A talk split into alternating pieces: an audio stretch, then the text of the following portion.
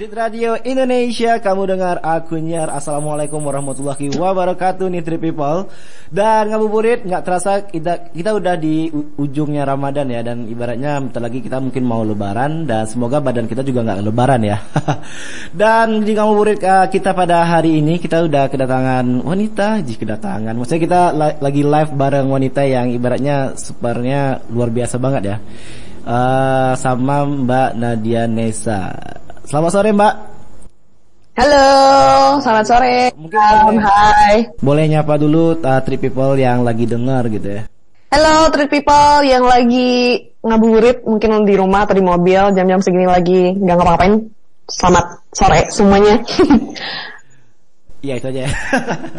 okay. Ah, BTW ini agak-agak sedikit kikuk karena sudah lama tidak depan kamera ya. Kebetulan sekali Aam. Aduh, kirain karena udah bertetap sama Aam, makanya jadi kikuk gitu. Ternyata enggak ya. bisa jadi dikit, bisa jadi dikit. Aduh, aduh, tidur. atau Mbak Nadianya yang kikuk kita kita nggak tahu juga sih ya. Oke. Ya udahlah ya. Gak apa-apa, uh, masih kenal, baru kenal. Hmm? Gimana? Mungkin perkenalannya kita uh, mau nanya dulu nih sebelum apa? Sebelum pulang kampung ke Bukit Tinggi atau mungkin sekarang lagi di Bukit Tinggi ya. Tripipa mungkin tadi kita udah sempat ngobrol dan Mbak Nadia sekarang lagi stay di kota Bukit Tinggi di kampungnya dia gitu. Bukit Tinggi di mana sih Mbak? Betul, aku di Bukit Tinggi di Pintu Kabun. Um, dekat Pacuan Kuda, Bukit Ambacang. Oke. Okay. Di situ, di, aku tinggal di situ. Dan berarti emang asli Bukit Tinggi ya? Iya, jadi kalau seandainya ditanya asli di mana, lahir di Bukit Tinggi, TK, SD, SMP, SMA di Bukit Tinggi. Cuma kalau ditanya kampung di mana, itu tan jawabannya di Tanjung Ampalu karena mama orang Tanjung Ampalu. Itu gimana tuh jawabannya? Jadi orang Bukit Tinggi apa orang Tanjung Ampalu tuh? Tolong dibantu. Kalau misalnya ditanya kelahiran berarti kelahiran Bukit Tinggi dong. Betul, kelahiran Bukit Tinggi betul. Ibaratnya istilahnya ya banyak tempatnya ya, mau di Bukit Tinggi, di Tanjung Alam atau mungkin juga berkarirnya juga di ibu kota ya, di Jakarta. Betul, aku sekarang kerja di Jakarta, betul Am. Nah, sebelum, udah gimana? Sebelum pulang kampung kegiatannya apa aja nih? Hmm, jadi kalau aku di Jakarta kegiatannya kerja, uh, udah di tahun ke 8 kayaknya aku merantau dari tahun 2012. Hmm. Jadi kegiatannya kerja, uh, aku punya kerja ngantor juga ada kerja sampingan. Aku juga MC juga di uh, Jakarta gitu sih. Jadi pas kemarin WFH hmm. uh, karena ada si corona ini kan ya, jadi ya, kantor itu menetapkan uh, work from home. Kayak udah dua bulan sebulan work from home, aku mikir kayak mending pulang aja kali ya gitu. Oh, ya udah akhirnya pulang. Standby di Bukit Tinggi udah beberapa bulan terakhir dong, udah berapa bulan nih? Udah satu bulan pas. Aku pulang kemarin itu 21 April, sekarang pas satu bulan, 21 Mei. Iya mantap. Berarti memang dari dari anjuran dari kantornya juga menerapkan sistem WFH ya Mbak ya? Jadi betul. Buat uh, istilahnya ya daripada bingung di kosan, di kontrakan, di, di di rantau orang, mending kita pulang kampung gitu ya. Mm -mm. Nah, bener. Jadi aku pulang tuh sebelum PSBB Sumatera Barat. Mm -mm. Berarti kalau boleh tahu nih, ini kerjanya di bagian apa? Maksudnya uh, apakah bagian basicnya ekonomi, cuma broadcasting atau apa nih? Mm. Jadi kalau sebenarnya mungkin karena histori waktu itu aku upload YouTube pertama kali aku kerja di stasiun televisi swasta. Terus teman-teman mikir aku kerja sebagai uh, di bidang broadcasting. Enggak sama sekali. Mm-hmm. Aku bukan lulusan broadcasting, bukan lulusan jurnalistik, aku lulusan psikologi. Oh, Jadi okay. aku itu ibu HR gitu loh, ngurusin uh, sumber daya manusia okay. gitu. Aku sebagai HR bu, uh, bukan di bagian broadcastingnya walaupun itu uh, perusahaannya perusahaan broadcasting ya lebih tepatnya gitu ya. Betul betul. Jadi awal karir itu aku join ke perusahaan swasta TV swasta mm -hmm. uh, sebagai HR di uh, perusahaan itu gitu. Jadi banyak mungkin yang ngira aku kerja di bagian uh, productionnya mungkin uh, di bagian jurnalistiknya. Tapi itu enggak sama sekali. Aku sebagai HR sampai sekarang tiga tahun berkarir aku masih HR tiga tahun. Ya mungkin kita atau mungkin People juga ngira karena Mbak Nadia Nesa juga bikin apa? Bikin konten kali ya. konten kali istilahnya di YouTube-nya juga aktif Instagramnya juga aktif dan juga kalau hmm. gue lihat beberapa beberapa postingannya sih juga sempat cover cover lagu ya enggak sih? Iya sama mas -mas. kamu kepoinnya berapa kali tuh? Sampai tahun berapa kamu kepoinnya? Hah? Untungnya nggak nggak nggak sempat uh, amlek gitu ya. Kalau amlek ah tahun banget ya keponya gitu. Ketahuan. Nah ngomongin apa uh, dunia istilahnya konten di YouTube atau mungkin cover lagu. Kalau misalnya am tanya hobi dari Mbak Nadia itu sendiri apa sih gitu? Uh, sebenarnya kalau ditanya hobi, benar kata tadi aku su suka nyanyi. Hobinya tuh nyanyi. Dari dulu suka nyanyi gitu. Jadi kayak bagian dari cover-coveran lagu sampai akhirnya aku sempat bikin beberapa konten bareng uh, salah satunya Bintang Guno. Uh, itu aku bikin lagu karena memang hobinya nyanyi gitu loh. Emang hmm. hobinya musik. Nah kalau bikin video itu sebenarnya hobi atau bukan sih? Um, kalau bikin video itu memang aku suka ngobrol orangnya gitu kan. Jadi waktu itu kepikiran pertama kali, udah ngapain ya? Ya udah dia bikin video, seenggaknya tuh nggak ngobrol secara langsung, tapi bisa cuap-cuap depan kamera gitu. Jadi aku hobinya nyanyi sama hobi ngobrol, udah. Jadi kalau misalnya udah nyanyi, udah ngobrol, pasti nyambung juga ya kalau misalnya bikin konten dan bervariasi itu kontennya. Ibaratnya ya bisa dibilang kalau gue lihat sekilas aja udah wah kayak suaranya oke juga nih gitu. Yeah. Waduh, terima kasih loh, terima kasih. Gak tahu nanti kalau bisa main ke Padang bisa mampir ke kita gitu ya Cie. Iya, boleh sih. Sebenarnya kalau aku mikirnya gini loh, kalau sana aku di Padang kemarin pengennya main sih ke Treat, cuma lagi ada PSBB gini kan, takutnya okay. ya serba susah gitu. Treat di mana sih di Padang ya? Kalau kita sih lebih, uh, ya kegiatannya di Padang, tapi teman-teman juga ada sih siaran dari rumah gitu ya. Hmm, nice, yeah. nice, nice, Tapi ya kayaknya uh, Treat uh, beruntung bisa bertemu tetap muka dengan Mbak Nadia Nesa langsung aja ya. bisa gitu ya Allah aku terbang. Jangan ntar nyangkut di atap gitu, kasihan. Iya. oh iya lupa ada atap ya, jadi nyangkut nanti, bener. Nah kalau baik lagi di Instagramnya, yang kata gue tadi mungkin sempat banyak cover lagu, ya nggak sih? Uh, itu ada arah untuk terjun ke dunia musik itu sendiri atau hanya hobi atau gimana nih ke depannya? Hmm, sebenarnya kalau ditanya arahannya mau diseriusin menjadi maksud maksudnya mungkin jadi penyanyi atau jadi musisi kali ya. Hmm. Um, belum kepikiran tapi mungkin akan ada plan ke sana nanti ke depannya. Kalau sekarang sih masih sebatas hobi, hobi, hobi sih gitu loh. Sekalian hobi, ya udah sekalian bikin konten, hobi ya udah sekalian bikin konten gitu. Kadang juga nyanyi itu percaya nggak percaya bikin stres kita hilang kan. Bener, Kayak bener. di kosan ngapain, ya udah nyanyi gitu. Ya udah nyanyi di record sekalian lah posting gitu. Uh, tapi kalau seandainya ditanya ke depannya pengen diseriusin dan pengen dijadiin itu salah satu pekerjaan kayaknya mungkin sih ya um, amin, memperbanyak amin. Uh, sumber cuan gitu memperbanyak sumber keuangan Bener. sih Nah, gitu. kalau untuk dari musik sendiri itu udah bisa dibilang nanti arahnya juga akan dibawa ke serius gitu ya. Tapi Mbak ya, Nadia gitu. udah ada yang ngajak serius nggak? apa sih? Apa dulu nih? apa dulu nih? Waduh. Waduh, jokes gue receh banget ya. Aduh, maaf maaf. Ini efek karena entar lagi mau mau apa ya? Mau buka puasa jadi puasanya sedikit ya naik turun lah ya. Iya biar nggak nggak datar-datar amat ya. Iya, Ini iya. buka puasa kan mau gaburit nih biar nggak berasa puasanya. Boleh, kalau boleh, bisa boleh. terlalu datar, ya itu kayak tanah gitu. Tanah datar. Iya. Oh iya baik, kayak kayak kabupaten bener. iya bener bener bener. Aduh, aduh ah, maaf maafkan ya mbak maafkan. nah kalau kalau misalnya amnanya nih, ibaratnya mau milih uh, konten video, artis di YouTube atau cover lagu. Kalau misalnya hmm. disuruh milih satu aja gitu, Hmm, kalau um, aduh bingung tapi sebenarnya kalau ditanya bikin video nyanyi atau apa satu lagi konten video hmm. nyanyi sama apa ya artis-artis di YouTube lah ya maksudnya aktif di YouTube hmm. gitu maksudnya um, kayaknya mau aktif di YouTube kali ya. Mm-hmm. Secara otomatis nanti kalau mau nyanyi juga bakal upload ke YouTube juga gitu iya, kan. Iya iya iya benar kalau mau ada video upload ke YouTube juga benar gak tuh? Benar. benar kan? Cerdas cerdas. Jadi mending sekalian aja gitu. Jadi ibaratnya ya ibarat kalau ya kalau bisa kita mumpung istilahnya lagi stres banget mungkin musik salah satu solusinya buat kita nggak stres ya. Mungkin istilah stres dengan pekerjaan, stres dengan ah bingung nih kita mau bikin konten apa ya. Mungkin salah satu obatnya ya dengan bermusik lah ya. Hmm, betul. Nah, uh, kalau untuk bermusik sendiri kayaknya cuma berdua sama mas-masnya aja atau ada join dengan yang lain nih? Gimana? Untuk cover lagunya, cover lagu di musik apakah uh, di YouTube, di Instagram gitu? Sebenarnya kalau untuk uh, cover lagu kan aku belum pernah sama sekali sampai ke channel YouTube aku masih sebatas di Instagram karena hmm. uh, memang waktu itu fokus konten sampai sekarang fokus konten masih ke kehidupan merantau dan jalan-jalan aja sih.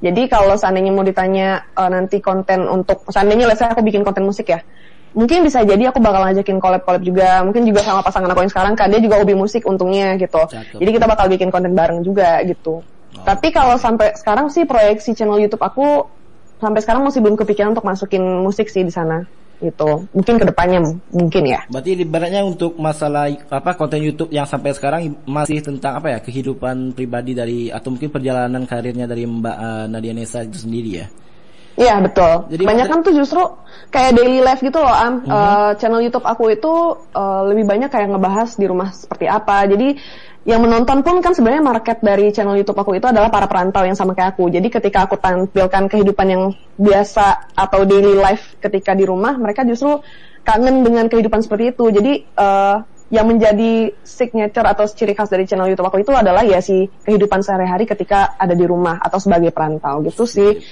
Jadi ibaratnya memang eh, ada isinya ya, maksudnya nilainya juga ada, mungkin menghimbau buat anak-anak rantau itu ibaratnya kita senasib gitu ya. Bukan. Hmm. Jadi ibaratnya kalau untuk untuk YouTube sekarang bukan hanya sekedar prank atau hal-hal yang mungkin kurang ya istilah nilainya kurang bernilai ya. Tapi eh, so far ibaratnya mungkin eh, Three People juga mau tahu gimana sih isi dari YouTube atau mungkin konten dari Mbak Nadia Nesa itu sendiri. Nanti kita akan bakalan baik lagi. Station.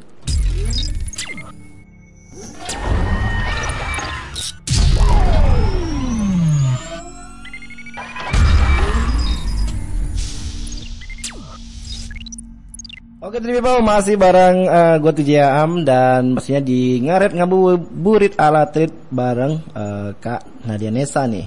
Nah tadi kita udah bahas banyak tentang eh, Mbak Nadia Nesanya ibaratnya hobinya dan istilahnya ya sedikit latar belakang dari Mbak Nadia Nesa ya.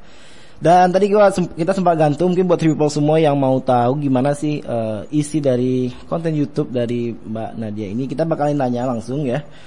Yang Mbak Nadia mungkin juga punya YouTube channel dan subscribe-nya juga udah banyak ya.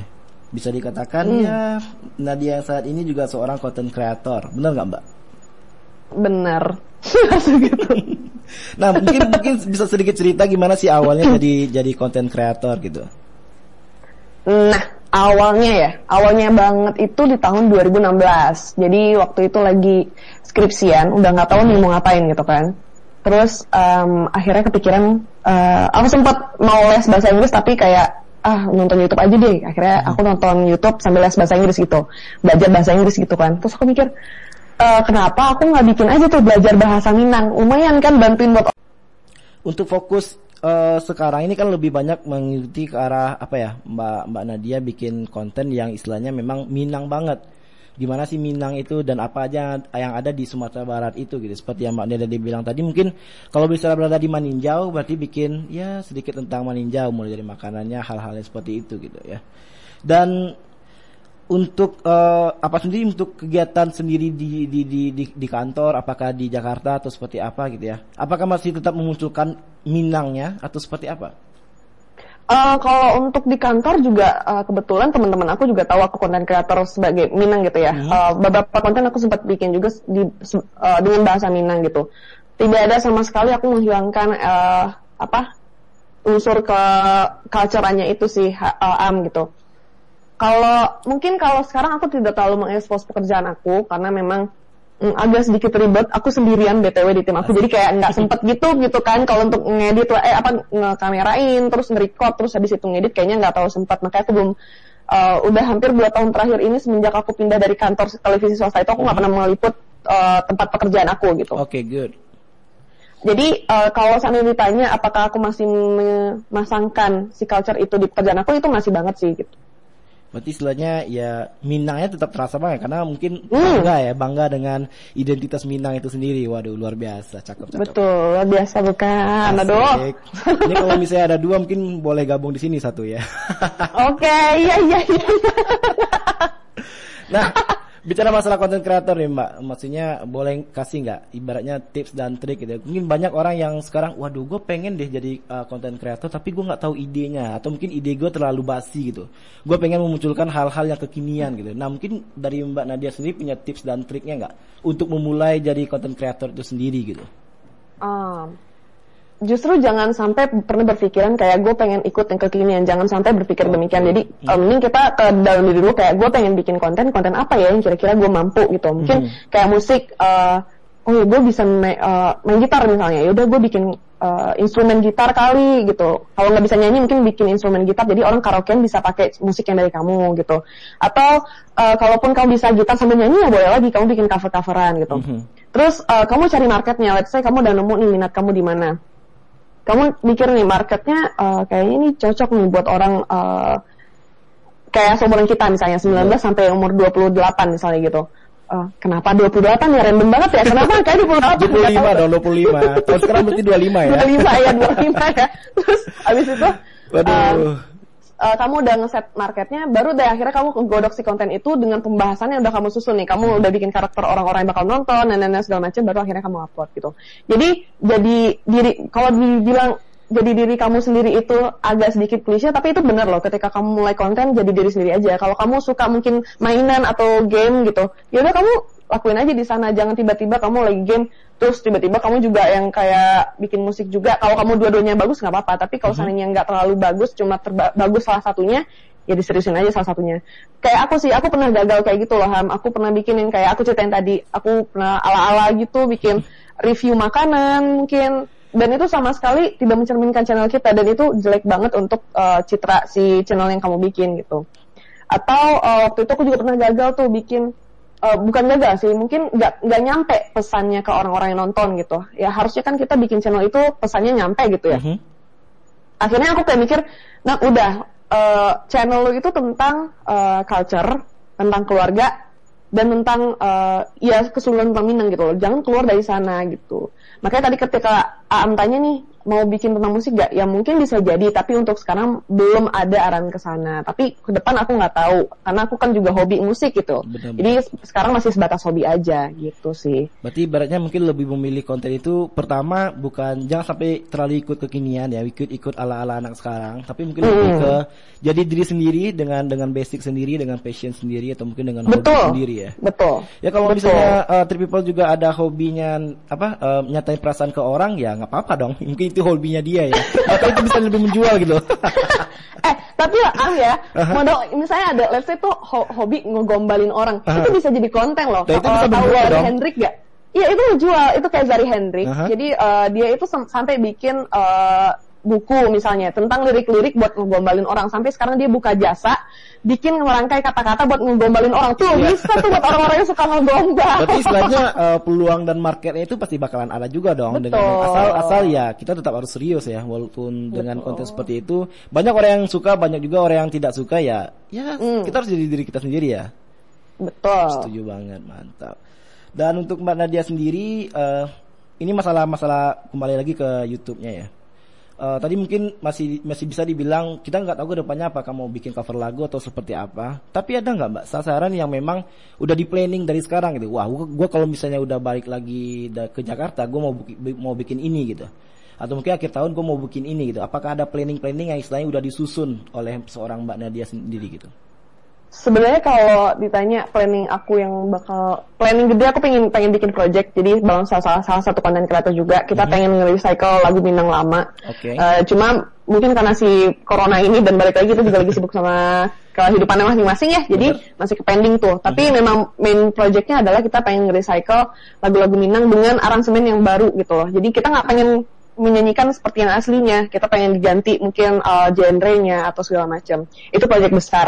Cuma kalau yang mikro, project kecil-kecil kayak ke channel YouTube aku sendiri, kayaknya aku bakal benar-benar fokus ke kehidupan aku di Jakarta seperti apa. Apakah merantau itu uh, kehidupannya manis aja nggak sih kayak orang-orang kan mer- merasa ketika ngelihat orang rantau di instastory ih enak ya dia ngerantau ya jalan-jalan mulu gitu padahal kan nggak tahu aja kita berdarah-darah setiap hari gitu kan Untuk Jadi- bisa menghemat pengeluaran dan pendapatan itu juga pasti bakalan susah ya.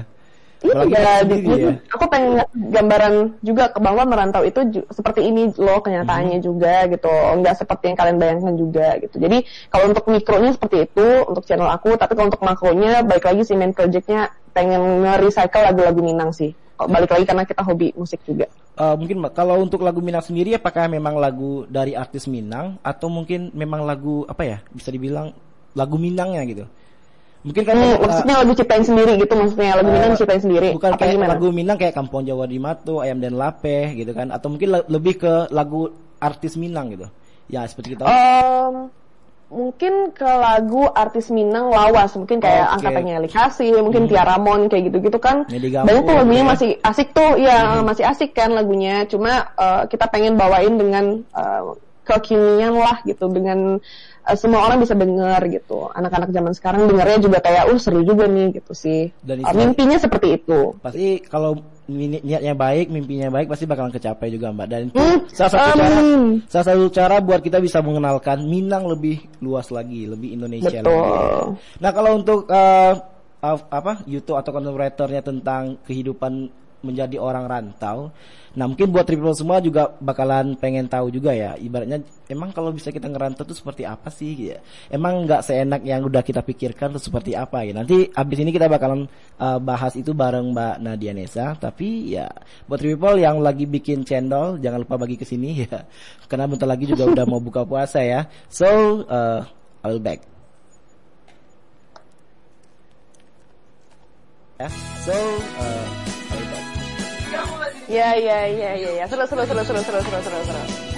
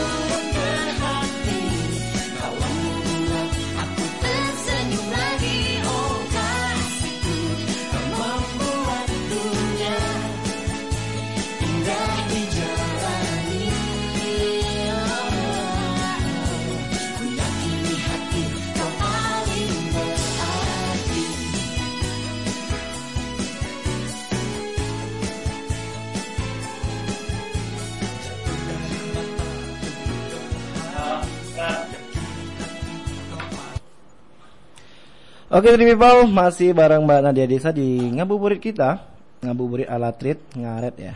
So tadi kita udah cerita banyak tentang uh, YouTube dan hobinya dari Mbak Nadia Nesa itu sendiri. Nah sekarang mungkin kita lebih lebih apa lagi ya Mbak? Mungkin lebih kepo tentang kehidupan dari Mbak Nadia Nesa itu sendiri, cie. Uh. Jadi mungkin uh, banyak apalagi sekarang banyak yang udah pergantian pergantian tahun ajaran, berartinya ada yang yang mau kuliah juga ada yang mungkin ada yang siap-siap juga untuk merantau gitu. Dan mungkin bayangan dari anak-anak yang baru lulus SMA itu adalah merantau itu ya sesuatu yang menyenangkan gitu. Karena gue udah bebas dari keluarga bebas dari dari apa ya dari dari orang tua jangkau orang tua mungkin ya. Tapi kalau gue setuju juga sih mungkin tidak se seenak atau se-fun yang dibayangkan oleh orang-orang atau teman-teman tersebut gitu. Nah mungkin bisa cerita nih mbak awal cerita merantau dari Bukit Tinggi ke Jawa itu seperti apa sih? Sampai sekarang bekerja dan berkarir di di Jawa ya. Hmm, betul.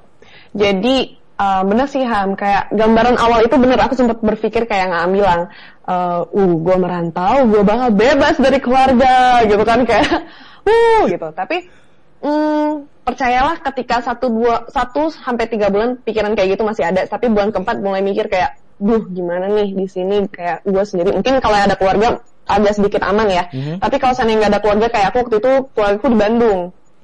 Jadi kayak aduh gimana di sini? Ntar makan gimana? Eh, terus gini gimana? Gitu segala macam gitu. Aku sampai bulan ke-6 percaya nggak percaya aku masih dikirimin lauk setiap bulannya oleh mama. Jadi Oke, kayak oke. sesimpel makan aja itu kita masih harus mikir gitu loh. Sesimpel makan kita harus mikir apakah nanti gue bakal bi- bisa makan di sini eh, segala macam tapi dengan beriringnya waktu ya adaptasi cepat ya bisa sih gitu.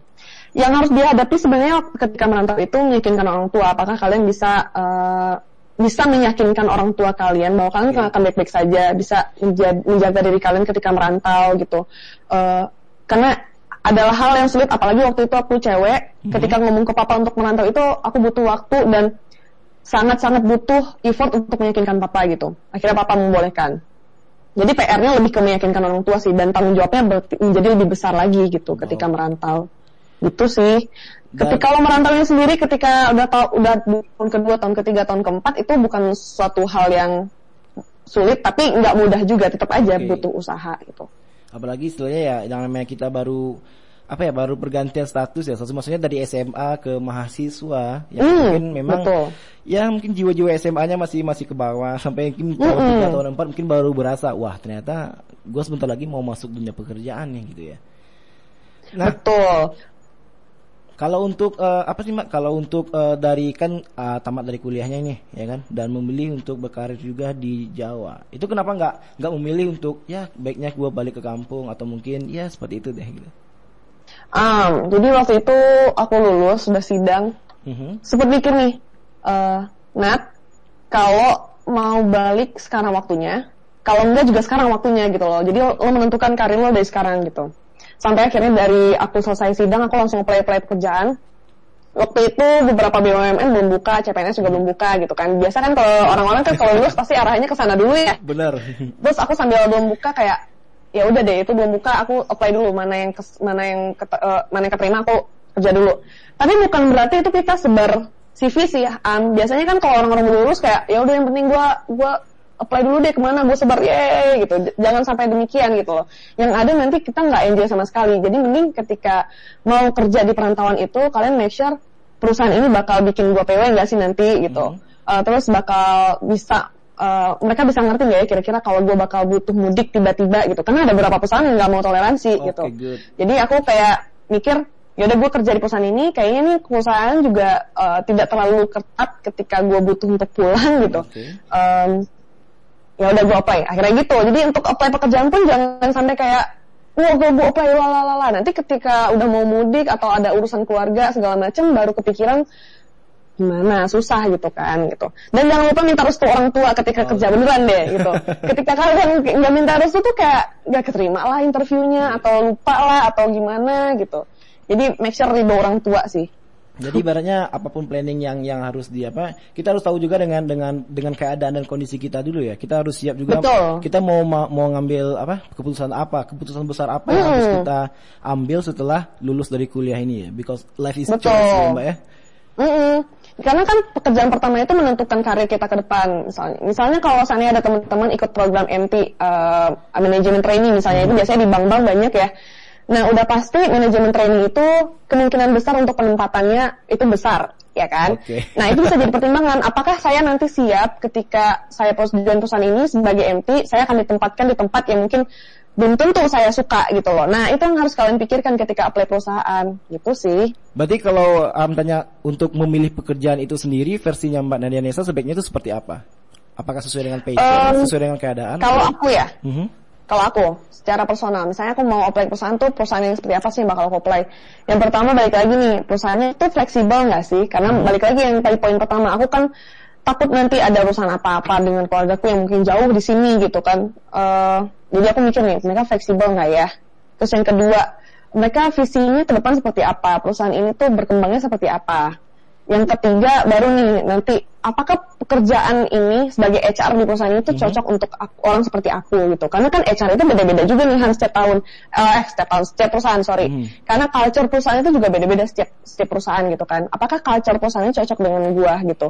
Kalau seandainya mungkin eh, visinya bisa di fleksibel terus eh, vis- eh, perusahaannya mungkin jelas directionnya ke mana poin yang ketiganya aku nggak nemu. Misalnya perusahaannya eh, HR di sini seperti, sepertinya nggak cocok dengan aku nggak fit nih gitu. Ya aku nggak bakal apply juga nggak bakal maksa gitu. Berarti ibaratnya tiga hal ini tiga hal itu yang membuat eh, istilahnya ya mungkin setiap orang berbeda-beda ya mbak ya ibaratnya. Mm-mm, betul. setiap orang beda-beda. Tapi mungkin tiga poin tadi mewakili buat lu semua jangan asal lempar CV ke mana aja. Karena banyak orang yang mikir Betul. sekarang yang penting gua kerja gitu. Yang penting kan gua fresh graduate dan gua harus bekerja gitu ya. Tanpa memikirkan Mm. keadaan dan dan passion mereka sendiri gitu iya benar betul banget itu am Nah kalau untuk ini mbak eh, istilahnya eh, bagi tipsnya dong mbak kan mungkin mbak mbak Nadia juga bikin apa bikin konten yang tentang eh, lamaran pekerjaan versi Nadia gitu ya. gimana gimana Jadi mungkin eh, apa sih namanya Me- gimana sih cara lolos dari lamaran pekerjaan versi mbak Nadia itu sendiri gitu. Hmm, so- oh, karena aku HR kali ya. Eh, lolos pekerjaan. Eh, kalau aku sih sebagai HR itu em, gimana sih lolos gitu. Yang pasti eh, kandidatnya harus fit dulu dengan tipe perusahaannya. Balik lagi kayak eh, mungkin kamu perusahaan kamu melamar di perusahaan eh, startup misalnya atau digital kamu harus make sure kalau diri kamu itu juga orang yang fleksibel itu jangan sampai kamu masuk perusahaan itu tapi kamu orangnya sangat-sangat idealis dengan diri kamu sendiri itu kan itu bakal susah tektokannya di perusahaan demikian gitu jadi ketika aku sebagai HR pun ketika aku mau interview orang aku melihat orang ini mungkin dia orangnya adalah uh, fle- fleksibel atau versatile aku bakal tertarik sama orang ini Oke. Uh, ini balik lagi ya preferensi masing-masing. Kalau aku sebagai HR aku memandangkan dia seperti itu. Itu yang pertama. Yang kedua aku lihat cara komunikasinya. Um, karena tuh banyak orang atau karyawan yang mungkin uh, tipe komunikasinya tuh gak, uh, gak cocok dengan perusahaan aku gitu loh. Jadi komunikasi itu sangat penting buat aku. Ketika nanti misalnya aku udah suka nih orangnya skillnya bagus gitu, Oke. Uh, terus uh, pengalamannya juga oke, tapi cara komunikasinya nggak cocok nih sama perusahaan aku gitu. Aku sebagai HR nggak bakal ngambil orang ini karena nanti bakal berkendala sama timnya dia gitu. Benar. Jadi make sure juga kalian bakal cocok sama culture perusahaan ini gitu loh. Culture itu bakal termasuk komunikasi gitu sih. Jadi ibaratnya eh, ibarat apa di dalam CV pun kita melampirkan wah kita banyak pengalaman, banyak organisasi, banyak achieve yang mungkin mau kita apa itu juga tidak terlalu menentukan ya mbak ya. Itu balik lagi ke pribadi kita masing-masing apakah kita bisa berkomunikasi dengan baik dengan tim atau tidak gitu. Betul. Gini Ham, simpelnya kayak misalnya CV kamu udah oke nih, semuanya ter- terjabar misalnya kamu pengalamannya gimana selama kuliah misalnya gitu. Eh, menurut aku bu- buat teman-teman SD SMP nggak usah masukin ini sampai SMA aja Oke, ya. oke. Ini saran aja. Eh, jadi SMA kuliah kamu masukin organisasi atau mungkin kamu bikin project apa di sekolah ikut eh, apa kelas eh, apa sih namanya tuh eh, penulisan ilmiah segala macam kamu ikut itu tulis di sana. Tapi yang paling penting ketika interview kamu bisa menyampaikan apa yang ada di CV itu gitu loh. Jadi kayak kamu ngasih tahu, eh, ya gue gini ceritain tuh, misalnya kamu ikut osis misalnya gitu, ya di osis gue bikin ini ini ini segala macam, ada project ini, ada event ini, jadi kamu menceritakan apa yang ada di CV itu. Walaupun sebenarnya tuh HR bisa baca sih sebenarnya di CV, cuma mereka pengen tahu bener nggak sih kamu yang bikin. Kalau kamu bener bikin, kamu harusnya bisa dong ngedeskripsiin itu gitu. Jadi ketika interview itu sangat menentukan. Jadi ibaratnya bikin CV pun istilah jangan asal-asalan ya. Itu juga harus sesuai Iya. dengan, dengan kejadian dan dan rules dari eh, dari hidup kita sendiri gitu ya mbak. ya. Betul. Nah, Betul. mungkin eh, kayaknya udah mau habis tapi ya satu jam kayak kayak terlalu singkat ya. Eh, ya. Buat buat gue sih terlalu singkat sih ya. Kalau singkat ya, waduh boleh diundang kacau. lagi langsung gitu langsung diundang minta minta. Maka nanti kalau misalnya mungkin lebarannya ke Padang bisa dong bagi bagi pengalamannya langsung di treat ya secara langsung buat kita kita yang ya mungkin baru mengenal dunia dunia pekerjaan lah ya. Oke mbak mungkin Betul. eh, pesan untuk three people nih yang masih mencari pekerjaan atau bagi three people yang pengen merantau tapi masih belum diizinkan oleh orang tuanya. Jadi eh, gimana eh, mungkin ada pesan dari dari Mbak Nadia sendiri ter- terkait hal ini gitu. Hmm, pesan aku sih ketika kalian pengen merantau, pasti kan kalian udah punya proyeksinya gitu. Jangan sampai kayak, yang penting gue kuliah di Jawa misalnya, misalnya pengen merantau ke Jawa, penting gue kuliah di Jawa udah gitu. Kalau bisa sih kalian punya plan ini, ya udah gue kuliah di Jawa, abis itu gue pengen kerja di perusahaan sep- seperti apa. Kira-kira gue uh, masuk, saya kayak aku nih waktu itu masuk jurusan psikologi.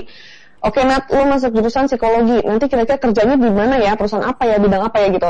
Eh, Nggak usah terlalu detail, tapi seenggaknya punya gambaran nih mau ngapain Oke. nantinya setelah kuliah gitu. Mhm. Eh, karena itu juga nanti bakal jadi modal kalian buat ngobrol ke orang tua ketika pengen merantau kayak kayak aku ngomong ke papa ya pak nanti aku masuk sini kerjanya nanti bakal kayak gini Oke. Eh, kira-kira aku bakal bisa masuk perusahaan kayak gini gitu jadi mereka pun ketika melepas kita walaupun berat ya tapi setidaknya mereka ngerasa oh oke gak apa-apa gue ngelepas anak gue yang penting eh, dia bisa mempertanggungjawabkan itu gitu loh. Makanya pas aku lulus kuliah juga itu menjadi beban tersendiri sih bagi perantau. Kayak aduh gue udah lulus gue jangan sampai nganggur. Karena kan balik lagi kita udah di awal ketika ngerantau udah bilang ke orang tua udah menggaransi bahwa kita akan baik-baik saja dan Oke. sampai sampai kerja gitu. Hmm.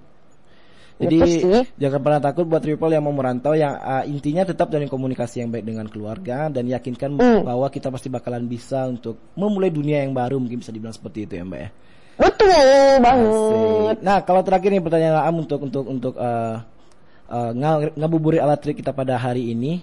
Untuk uh, YouTube YouTube itu sendiri Mbak ya. Mungkin banyak orang yang masih takut untuk memulai. Mungkin kasih pesan dong Mbak buat kita-kita yang pengen mau terjun juga di di di di dunia apa ya? YouTuber ini, cie. Dan bikin konten yang menarik gitu. Hmm, buat teman-teman sebenarnya tuh kunci dari YouTube itu adalah em, kalian punya ciri khas sendiri sih. Udah itu aja. Jadi eh, karena emang nggak akan instan sih kayak kita udah upload 10 channel terus langsung jadi berapa subscribe- subscribernya nggak terlalu juga. Karena seiring dengan waktu kita bakal ngebentuk market kita sendiri. Jadi jangan takut nih mau mulai sesuatu. Kita misalnya kamu suka apa ya udah. Kalau kamu nyaman bikin konten itu bikin aja. Jangan lupa kamu aktif juga ke teman-teman kamu ngasih tahu bahwa kamu punya channel YouTube. Jangan sampai kayak kamu diem aja punya channel YouTube Oke. gitu ya. Eh, karena awareness pertama itu penting banget gitu. Dulu aku sampai share ke grup-grup mana pun sampai teman-teman tuh jadinya nonton gitu. Jadi eh, jangan takut mulai sama jangan takut malu gitu ya karena balik lagi kita tuh sebagai konten kreator atau mungkin memang kamu niatnya channel kamu nggak ada mukanya juga nggak apa-apa tapi Uh-huh. kalau aku sih jangan takut malu sama jangan takut di dislike gitu ya Oke, jangan takut dislike. malu jangan takut di dislike udah mulai deh tuh channel jangan takut aja Jadi intinya mungkin mulai aja dulu ya Mbak ya. Iya, mulai aja dulu. Istilahnya dan hasil pun tidak tidak ada yang instan gitu. Karena yang Mm-mm, instan gitu. cuma mie. Pasti. Iya mie instan, bener, bener. Aduh jadi lapar kan jam segini Coba astagfirullah. satu jam lagi ya, satu jam lagi kita akan berbuka ya Mbak ya.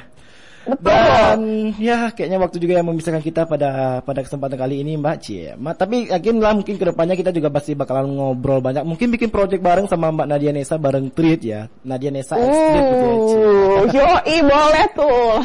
Oke buat Three People jangan lupa uh, follow Instagram Mbak Nadia Desa di di mana Mbak? At Nadia Nesa, jangan lupa follow. Dan juga uh, subscribe YouTube-nya dengan akun channel.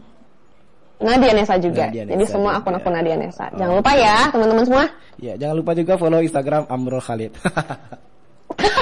Maksudnya Amrul Khalid dan Etit Radio ID gitu ya People ya. Oke, eh, kayaknya sore ini kita cukup buat Triple semua yang mau langsung aja tanya-tanya ke Instagram atau mungkin ke YouTube-nya Mbak Nadia Nesa. Saatnya gue pamit. Assalamualaikum warahmatullahi wabarakatuh dan selamat sore. Bye, sore.